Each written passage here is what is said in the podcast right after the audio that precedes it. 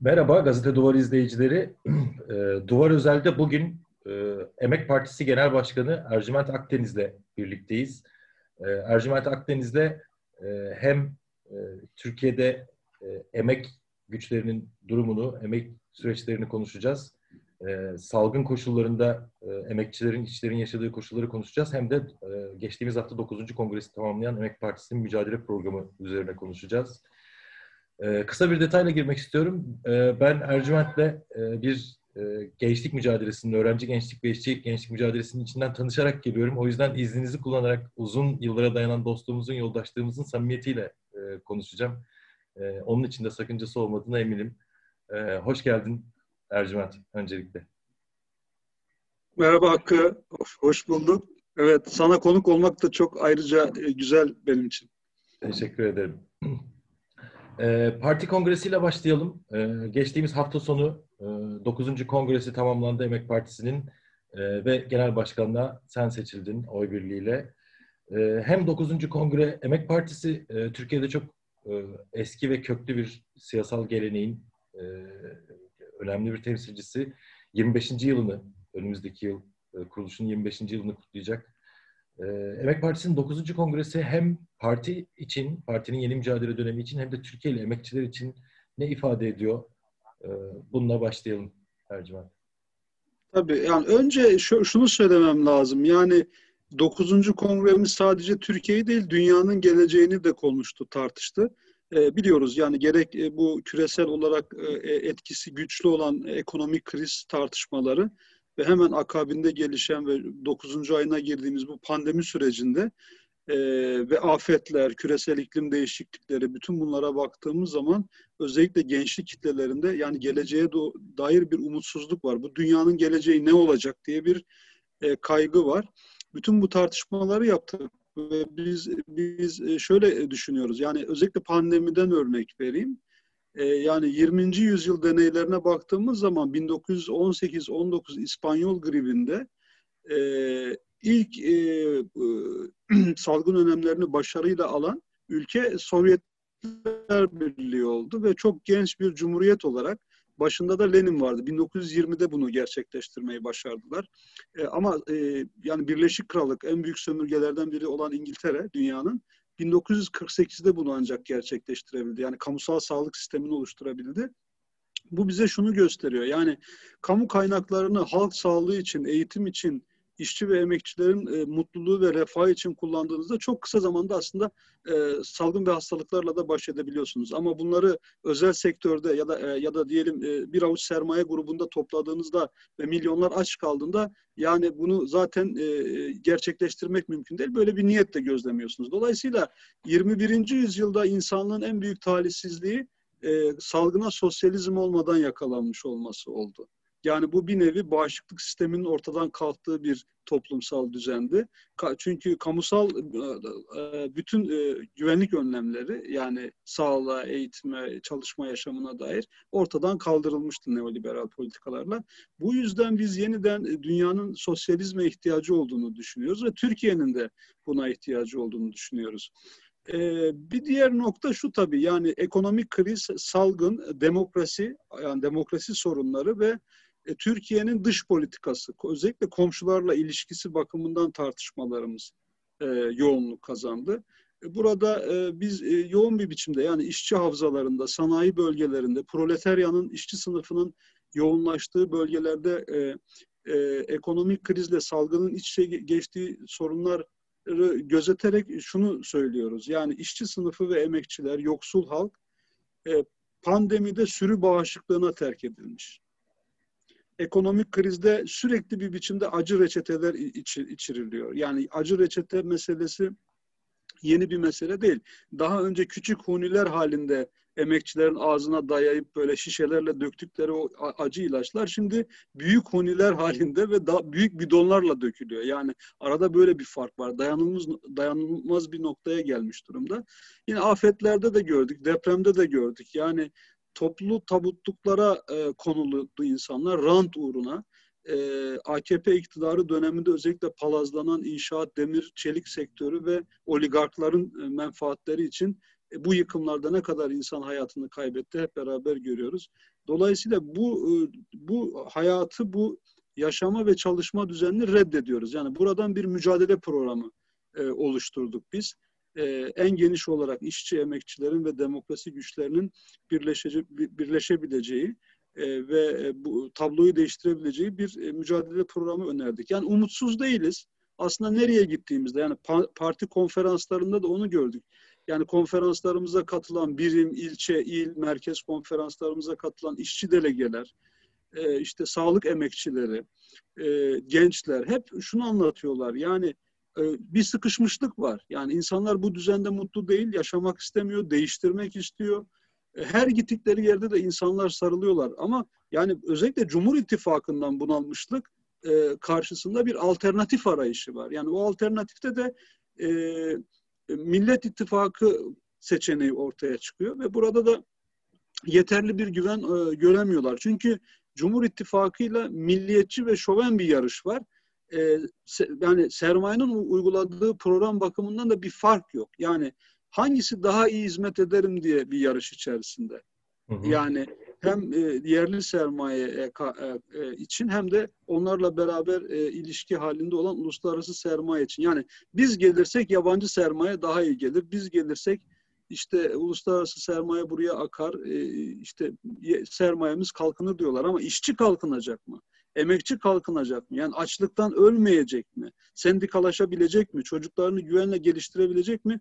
Buna dair e, açıkçası e, bir e, umut yok. Onun için biz e, 9. kongremizde e, bir halk seçeneği üzerinde durduk ve bunu öneriyoruz. Yani e, bu ülke tabii ki yani Cumhur İttifakı'yla e, tek adam, tek parti rejimini esas alan, e, her türlü despotik yönelimi ortaya koyan, laiklikten demokrasi sorununa, Kürt meselesinden emekçi haklarına, e, gençliğe yaklaşıma, kadın haklarına, bütün buralarda yani inanılmaz bir e, zulüm dönemi yaşatan yani Türkiye halkına, Türkiye halklarına bir Cumhur İttifakı ile Millet İttifakı'nı da aynı görmüyoruz. Yani böyle de bakmıyoruz meseleye. Özellikle orada Cumhuriyet Halk Partisi gibi bir, önemli bir parti var. Ama yani her ikisi de sermaye e, biat programı bakımından ayrışmış değil. Yani kısmi demokratik haklarda belki hareket edilebilir ama biz biraz yani sermayeden bağımsız, sermayeden ayrışmış bir üçüncü blok seçeneğini oluşturmamız gerektiğini düşünüyoruz. O zaman belki Cumhuriyet Halk Partisi ve başka güçlerle de farklı denklemlerde hareket etme şansı olabilir. Ama bu blok olmadan Türkiye'nin bir umudu olmaz. Nedir bu? Yani devrimci demokratik bir halk seçeneği. Yani geçmiş yıllarda 28 Şubat dönemi kararları zamanında barış mitingleri zamanında yine hatırlayalım e, mezarda emeklilik yasası çıktığı zaman e, bu platformlar oluştu. E, işte Amerika Birleşik Devletleri'nin Bush yönetimi zamanında Irak'a işgal olduğunda çok evet, çok güçlü e, e, birlikler oluştu. Yani işte bizim partimiz Emek Partisi o zaman ÖDP Özgürlük ve Dayanışma Partisi şimdi Sol Parti, Halk Evleri, Halkların Demokratik Partisi yani say sayabileceğim bir yığın örgütlenme, siyasal oluşum, sendikalar, meslek örgütleri yan yana gelmeyi başardı. Bunu niye bugün başarmayalım? Yani Cumhurbaşkanlığı hükümet sistemi geldi diye iki kutuplu e, siyasete sıkışmak zorunda değil Türkiye. Yani e, yine kendi e, halk e, seçeneğini oluşturabilir. Bu denklemde tabii ki yani tek adam tek parti sisteminin değişmesi için farklı ittifak kombinasyonları da gündeme gelebilir. Ama biz önce kendi gücümüze güveneceğiz. Önce işçi sınıfının taleplerine, emekçilerin acil taleplerine, halkın demokrasi taleplerine güvenip burada bir e, odak oluşturmamız lazım. Ana hatlarıyla bu çerçevede bir e, program e, olgunlaştırdık kongremizde. E, bu son söylediklerini önemsiyorum Ercüment. Şöyle bir durum oluştu dediğin gibi, senin de tarif ettiğin gibi. Türkiye hani bir e, Cumhur İttifakı'nda temsil edilen bir tek adam yönetimi, bir yeni rejim inşası. Onun karşısında da aslında özü itibariyle biz Türkiye kapitalizmini daha iyi, daha demokratik yönetiriz, e, hukuk devletinden daha çok e, nasipleniriz diyen bir millet ittifakı var gibi görünüyor. Ve solda bazı unsurlarıyla e, hani bazı taktik adımlar e, gibi görünen uygulamalarla sanki bu millet ittifakının çekim alanında, vakumuna e, kapılır gibi göründü ama sen şimdi başka bir şey söylüyorsun ve üçüncü bir bloktan söz ediyorsun. Yani bu ikili yapıyı, ikili siyaset yapısını aslında belki de bizzat Erdoğan'ın istediği ikili siyaset yapısını soldan e, zorlayacak bir üçüncü kanal açmaktan söz ediyorsun. Şimdi hep şu çok konuşulur. Solun birliği konusu hatta bazen haksız e, bir takım şeylere de yol açar. Hani solun sürekli bölündüğü, bir araya gelemediği gibi şeylere de yol açar. Bunu biraz daha e, bunun üzerine konuşabilir miyiz? Bu önemsiyorum Tabii. ben bunu. Hani e, sol derken burada bir ideolojik, siyasal e, kabuğu ya da bir salonda oturup e, ilkeler üzerinde konuşan solcuları değil de anladığım kadarıyla hareketin içindeki e, emekçileri hani solcu olup olmamasından bağımsız olarak hareketi kastediyoruz galiba değil mi? Çünkü verdiğin örnekler işte NATO, e, Amerika'nın Irak'a müdahalesi, mezarda emeklilik yasası hep böyle temel bir sorun üzerinden e, somut bir e, hareketin, eylemin içinde oluşmuş birliktelikler. Tabii. Yani birkaç örnek vereyim anlaşılır olması bakımından. Bir tanesi sıcak bir örnek olsun. Yani şu an ağır pandemi koşullarındayız. Çok yani sayılar almış başını gitmiş. 6 bin, 7 binler, 24 binler şimdi değil mi? Yani yeni hı hı, yeni gerçek rakamları duymaya başladık. O bile tartışılır durumda şu an. Evet. E şimdi bu yani çok acil yapılması gereken şey şu. Yani çok acil olarak e, halkın e, kapanması lazım. Biz diyoruz ki 21 gün tam kapatma olsun. 21 gün tam kapatma, işçiye, emekçiye, e, küçük esnafa e, ve bütün halka yani emekçi sınıflara sosyal koruma sağlansın. Yani insanlar eve kapanırken ne, ne yiyeceğiz, nasıl yaşayacağız diye de düşünmesin. Devlet bunu yapabilir. Yani elindeki rezervleri eritmesine rağmen bunu yapabilir. Yani e, hortumu kessin yeter. Yani rantçı ve e, sermaye kliklerinden. Şimdi e, TTB'nin de bu konuda açıklamaları var. Meslek örgütlerinin de var. Bunun etrafında bir birlikten söz ediyoruz örneğin. Yani e, kahraman diye adlandırılan hastanelerde değil mi? Ön cephede pandemiye karşı savaşan ama zaman zaman şiddete de uğrayan, linç edilen, özlük hakları verilmeyen o sağlık emekçilerinin, hekimlerinin de talebi bu. Siyasi parti farkı gözetmiyor bu. Yani siyasi düşünce farkı da gözetmiyor. O insanlar sonuçta ortak yaşıyorlar o sorunları. Ve orada yatan hastalar, ölen hastalar ve onların yakınları. Bütün bir halk da bu sorunu yaşıyor. Yani biz bu geleceğimizi e, yani bu sisteme teslim edemeyiz. Biz böyle ölemeyiz. Biz böyle ölmeye devam edemeyiz. Böyle hastalanmaya devam edemeyiz. Halk sağlığı için, yaşam talebi için biz bu birliği sağlayabiliriz. Bunu kastediyoruz. Yoksa 10 tane sol sosyalist parti bir araya gelsin, bir birlik kursun anlayışı değil. Bunun etrafında herkes bir çalışma yürütse bir anlamı olur. İkinci nokta şu, e, ikinci örneği vereyim. Şimdi e, e, Gebze'deydim ben işte e, bu metal işçilerinin eylemlerinde. Oradan e, bir örnek vereyim. Şimdi orada e, şöyle bir şey var. Yani işçileri zorla fabrikalara sokuyorlar korona günlerinde metal işçilerini. Zorla çalışacaksın arkadaş. İşçi de ekmekten olmamak için zorla çalışıyor. Tamam.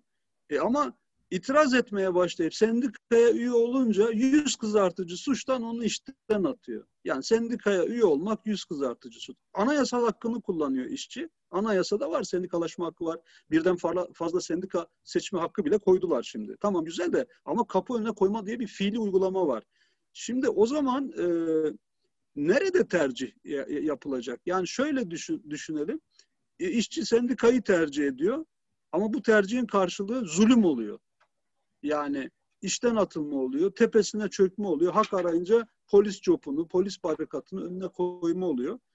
Ee, ve bunu kim yapıyor, nasıl yapıyor diye baktığımızda da bir valinin kararıyla yani bir vali pazar günü bir karar alarak 15 gün o kentteki bütün gösterileri yasaklayarak bütün seçilmişlerin kararını da ve iradesini de ortadan kaldırıyor. Yani sendikalar mı varmış, işçiler temsilcilerini mi seçmiş, bir eylem kararı mı almış, bu kentin bir yerel yönetimi mi varmış, milletvekilleri mi varmış, umrunda değil. Aynı şekilde e, mesela hemen dönelim e, bölgede herhangi bir kentte bakalım. Yani Diyarbakır, Hakkari, Van, Kars yani kayyum atanan Kürt halkının kendi iradesiyle seçtiği e, belediyeler, belediye başkanları, belediye yönetimlerinin kayyumlar eliyle yani atanmışlar eliyle yok edildiği bir e, e, Türkiye e, e, ikliminde aslında Gebze'deki işçiyle e, Van'daki ya da Diyarbakır'daki Kürdün kendi kaderini tayin etme yani kendi gece, geleceğini belirleme yani e, kendi tercihini belirleme hakkı birlikte ortadan kaldırılıyor. Yani bu ikisini biz birleştirebilirsek o zaman e, yani Edirne'den Kars'a kadar bütün e, halkın e, hem emek hem de demokrasi sorunları, onlar onlarla birleşmiş bir, birleşen demokrasi sorunlarını giderme şansı var. Yani bu olmadığı zaman ne Kürtler bir çıkış yakalayabilir, ne demokrasi güçleri, diğer ezilenler, çevre hareketleri, köylüler bir çıkış yakalayabilir, ne de Gebze'deki metal işçisi bir çıkış yakalayabilir. Yani bu ayrı ayrı kopuk kopuk birbirinden mücadeleleri ve talepleri birleştirmek lazım. Yani aynı şekilde işte Somalı madencilerin yürüyüşüne bakalım. E, Ermenekli kadınların dün nasıl e, zulüm gördüklerine bakalım.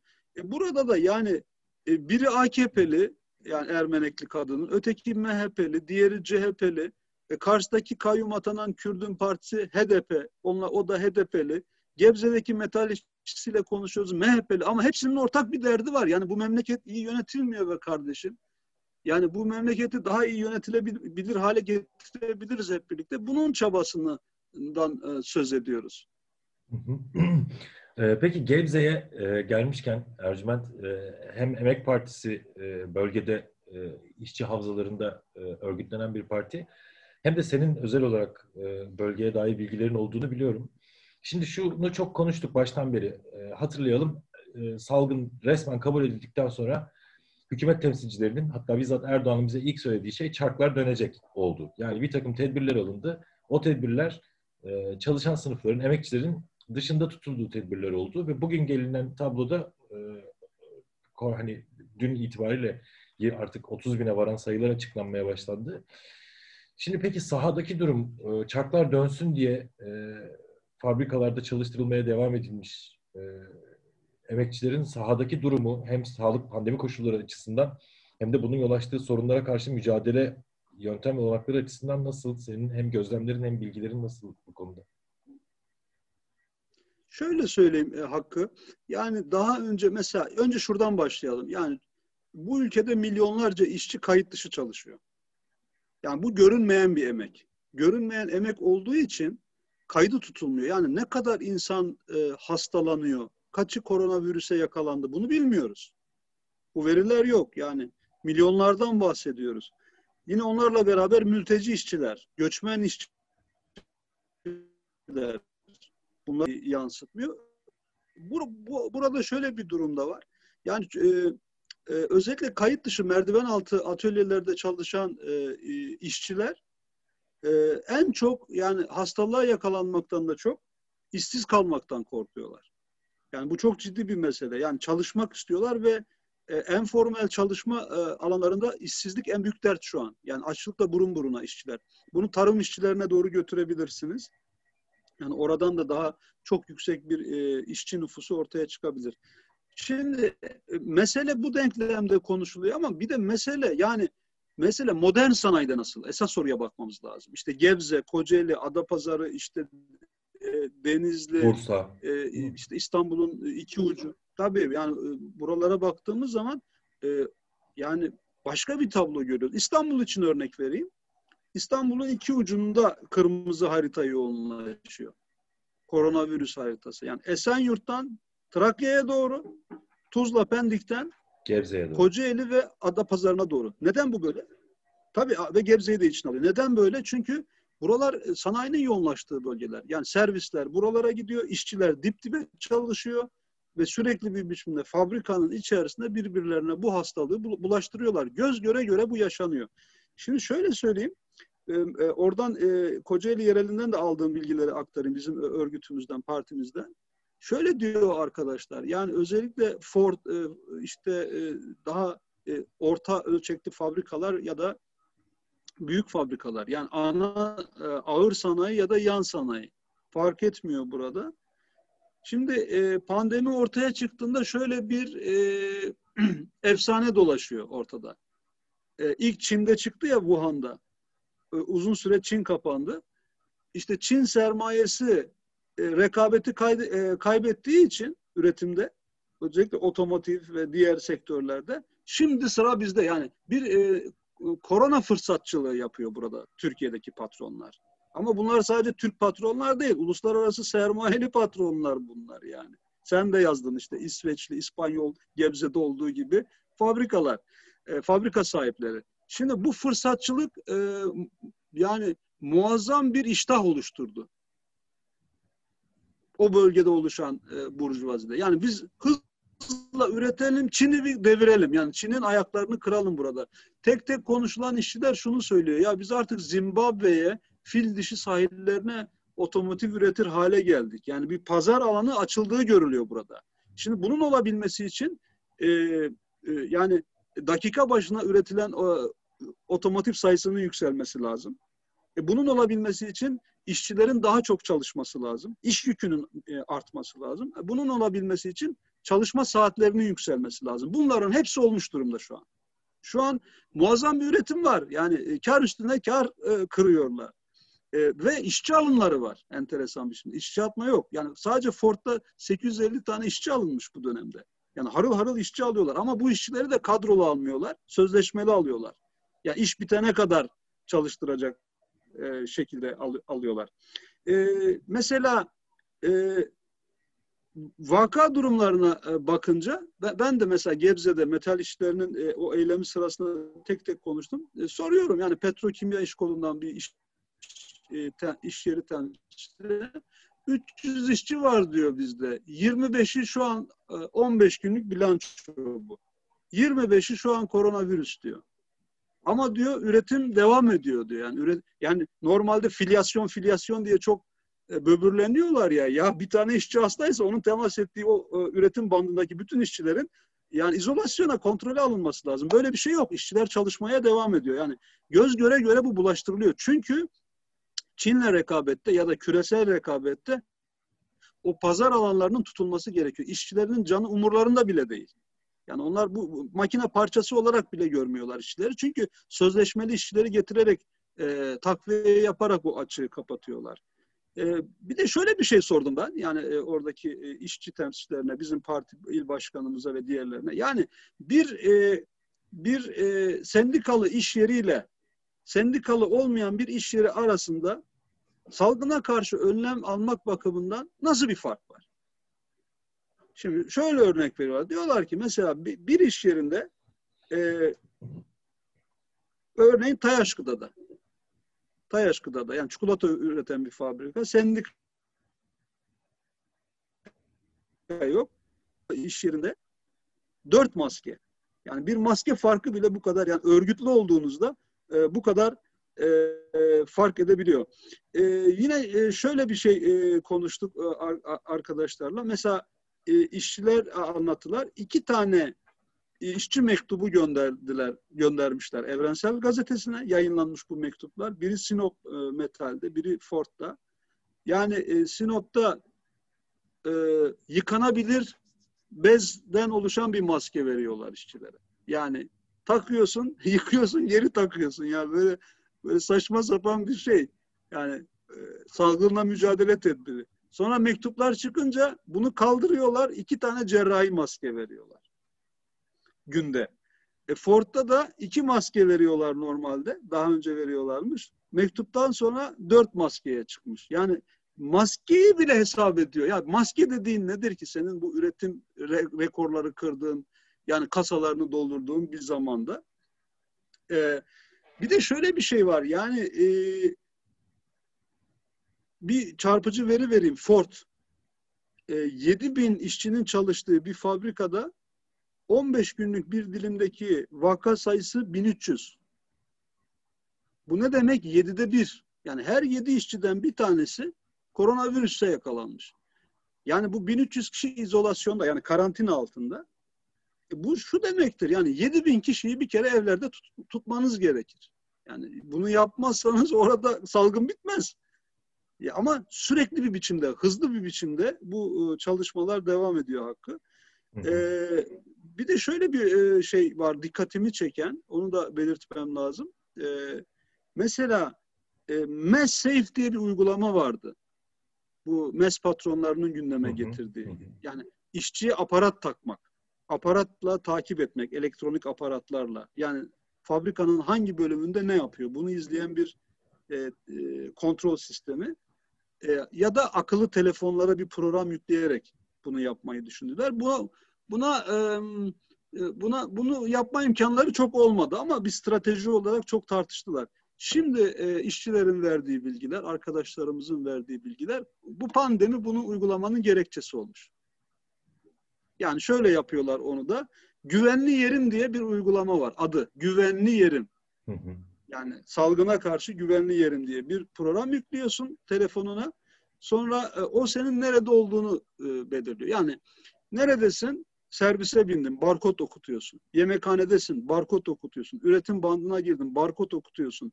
Bütün bunlar ne adına yapılıyor? Hastalığı takip adına yapılıyor. Ama aslında işçinin nerede kaç dakika geçirdiğini e, takip eden bir e, sömürü takip merkezine dönüşüyor. İşçiler bunalmış durumda bundan. Bir de şöyle ikinci uygulama yine fabrikalarda uygula, uygulanan bu MESSAFE'e çok benziyor. E, Covid takip ekipleri oluşturulmuş fabrikalarda. 10-15 kişilik bir işçi grubu ya temsilci grubu daha doğrusu işçi grubu değil. Temsil, genelde de sendika bürokratları bunlar. Bunlar e, beyaz yakalılar da içine alarak bantları geziyorlar.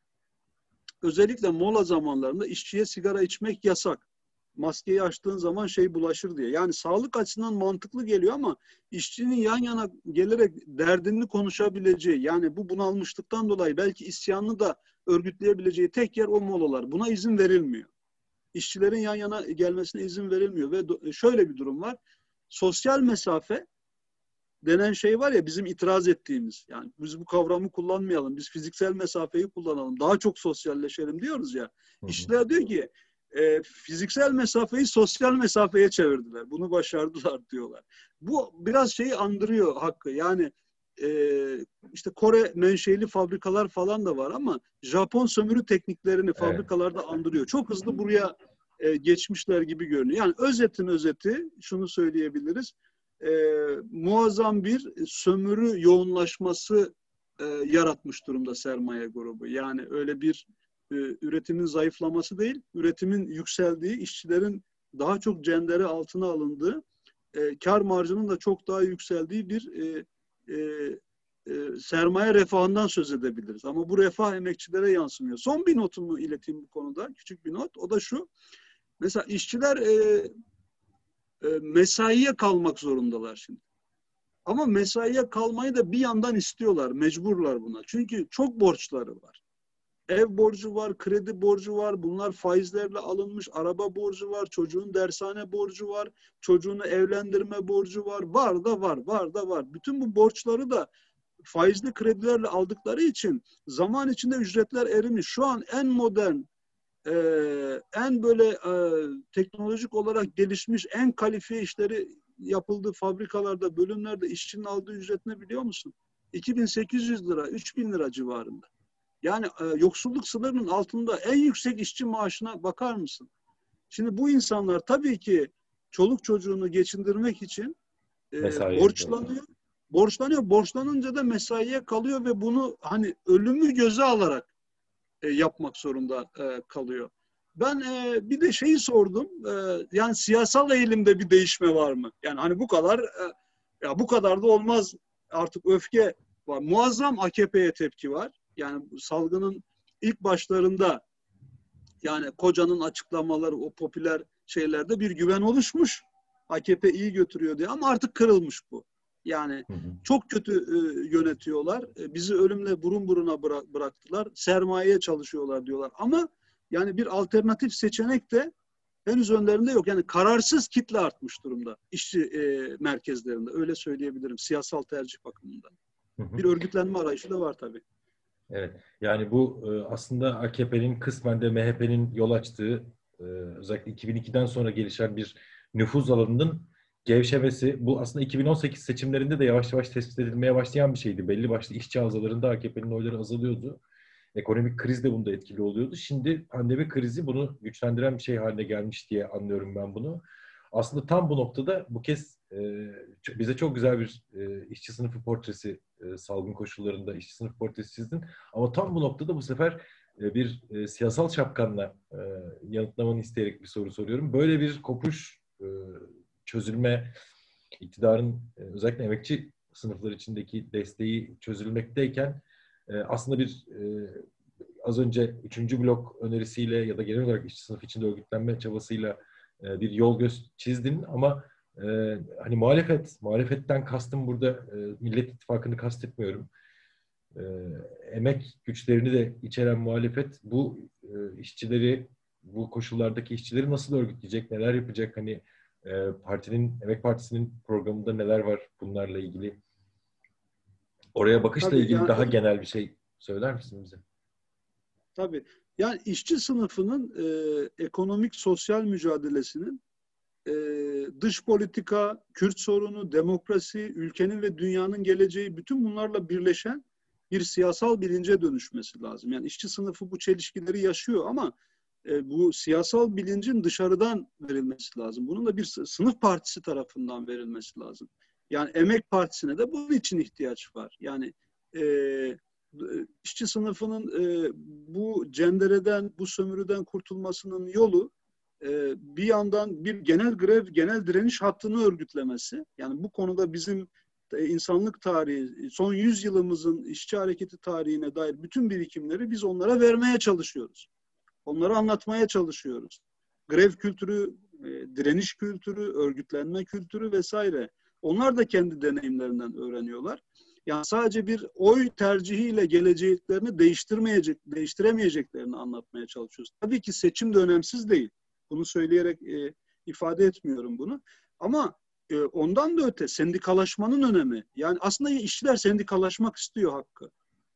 Yani her yerde bir sendikalaşma isteği var. Sendikalı iş yeriyle sendikasız iş yeri, sendikalı işçiyle sendikasız işçi arasındaki farkı da biliyorlar. Kendilerini korumaya almak istiyorlar ama o kadar e, zor ki bu. Yani bir işçi anlattı bana şeyde e, e, Gebze'de metal işçisi. E, 7 sene boyunca davası sürmüş. Sendikaya üye olduğu için. Yani 7 seneden yani köprünün altında ne sonuçlandıktan sonra bu kadar da zor bir şey sendikalaşmak. Bunu örgütlemeye çalışıyoruz. Ama e, velev ki nihayetinde son kertede işin gelip e, bağlandığı yer şurasıdır. İşçi sınıfı kendisi partileşmedikçe, kendi partisini kurmadıkça, kendi partisinde örgütlenmedikçe, bir gelecek tahayyülü olmadıkça e, bu tek tek e, fabrika patronlarıyla uğraşarak da bu düzeni değiştiremez. Yani böyle de bir durum e, var. Böyle de bir gerçeklik var. Tarihsel gerçeklik var. E, bu da ancak e, onların oy attıkları sermaye partilerinden şu ya da bu gerekçeyle, şu ya da bu niyetle ve genellikle de bunu nasıl yapıyorlar? Kötünün en iyisini seçiyorlar. Ehven işleri seçiyorlar. Yani e, e, bu, bu buradan bir kurtuluş. Yani e, kapitalizmden, tekelci kapitalistlerden yani seni sömüren, ezen, baskı altına alan bu patronun da içinde olduğu sermaye grubunun desteklediği, parlattığı, öne çıkardığı bir partiye niye gidip üye oluyorsun? Niye oy veriyorsun be kardeşim? Yani gel kendi partinde örgütlen dediğimiz bir çalışma var. Yani bu işin değişmesinin yolu bu. Nihayetinde siyasallaşacak ve kendi partisinde örgütlenecek. Ama hani muhalefet açısından sorduğun soru ya da bir yanıt vereyim. O da çok önemli. Yani he, yani şimdi Gebze öyle bir şeydi. Yani ona tanık oldum. Yani orada işçi diyor ki ya nerede anayasa diyor. Bu nasıl anayasa? Bu anayasa benim de, e, değilse ben hangi ülkede yaşayayım diyor. Bu devlet benim devletim değil mi diyor. Sen ne biçim valisin diyor. İstifa et diyor yani. Valilik yani sen nasıl tek başına karar alırsın diyor falan diyor. Mesela job sallayan e, polise şunu söylüyor işte. Ya gördük tanık olduk yani. Senin diyor ailende hiç işçi yok mu? Senin baban işçi değil miydi? Sen nasıl o jopu öyle kaldırıyorsun diyor. Anlatabiliyor muyum? Yani siyaset orada yapılıyor aslında. Siyasetin merkezi orada. Anayasayı da tartışıldığı yer orası. E, devletin de e, tartışıldığı yer orası. İşçi nasıl bir devlet istiyor? Bu devleti iste böyle bir devlet istemiyor yani. Böyle bir hükümet istemiyor. Bunu tartışıyor.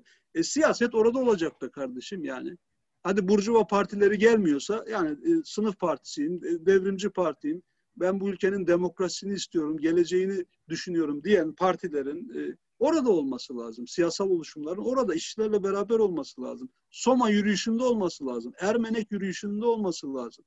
Yani köylülerin e, isyanında olması lazım.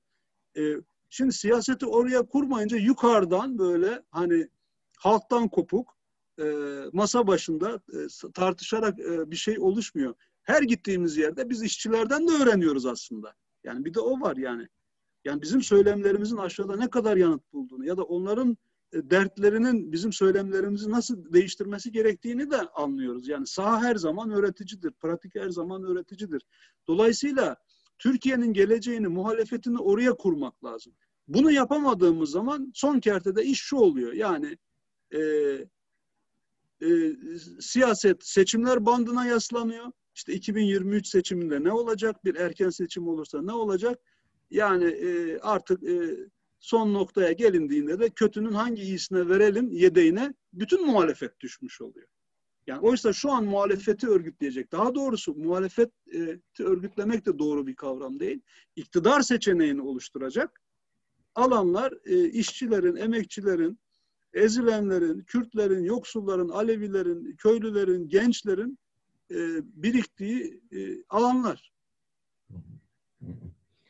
Ercüment duvar yazı işlerinin bize verdiği süreyi doldurduk. Biraz da geçtik hatta. Aslında çok konuşulacak şey var. Ben Türkiye gündemi hep çok yoğun. Tekrar e, seninle program yaparız. Yeni gelişmeleri de konuşuruz diye düşünüyorum. Ee, çok teşekkür ediyorum katıldığın için. Genç bir genel başkan, bizim kuşağımızın e, kuşak olarak seninle de gurur duyuyoruz. Bizim kuşağımızı temsil eden bir genel başkan olarak başarılar diliyoruz sana. Çok teşekkür ederim Hakkı. Görüşmek üzere.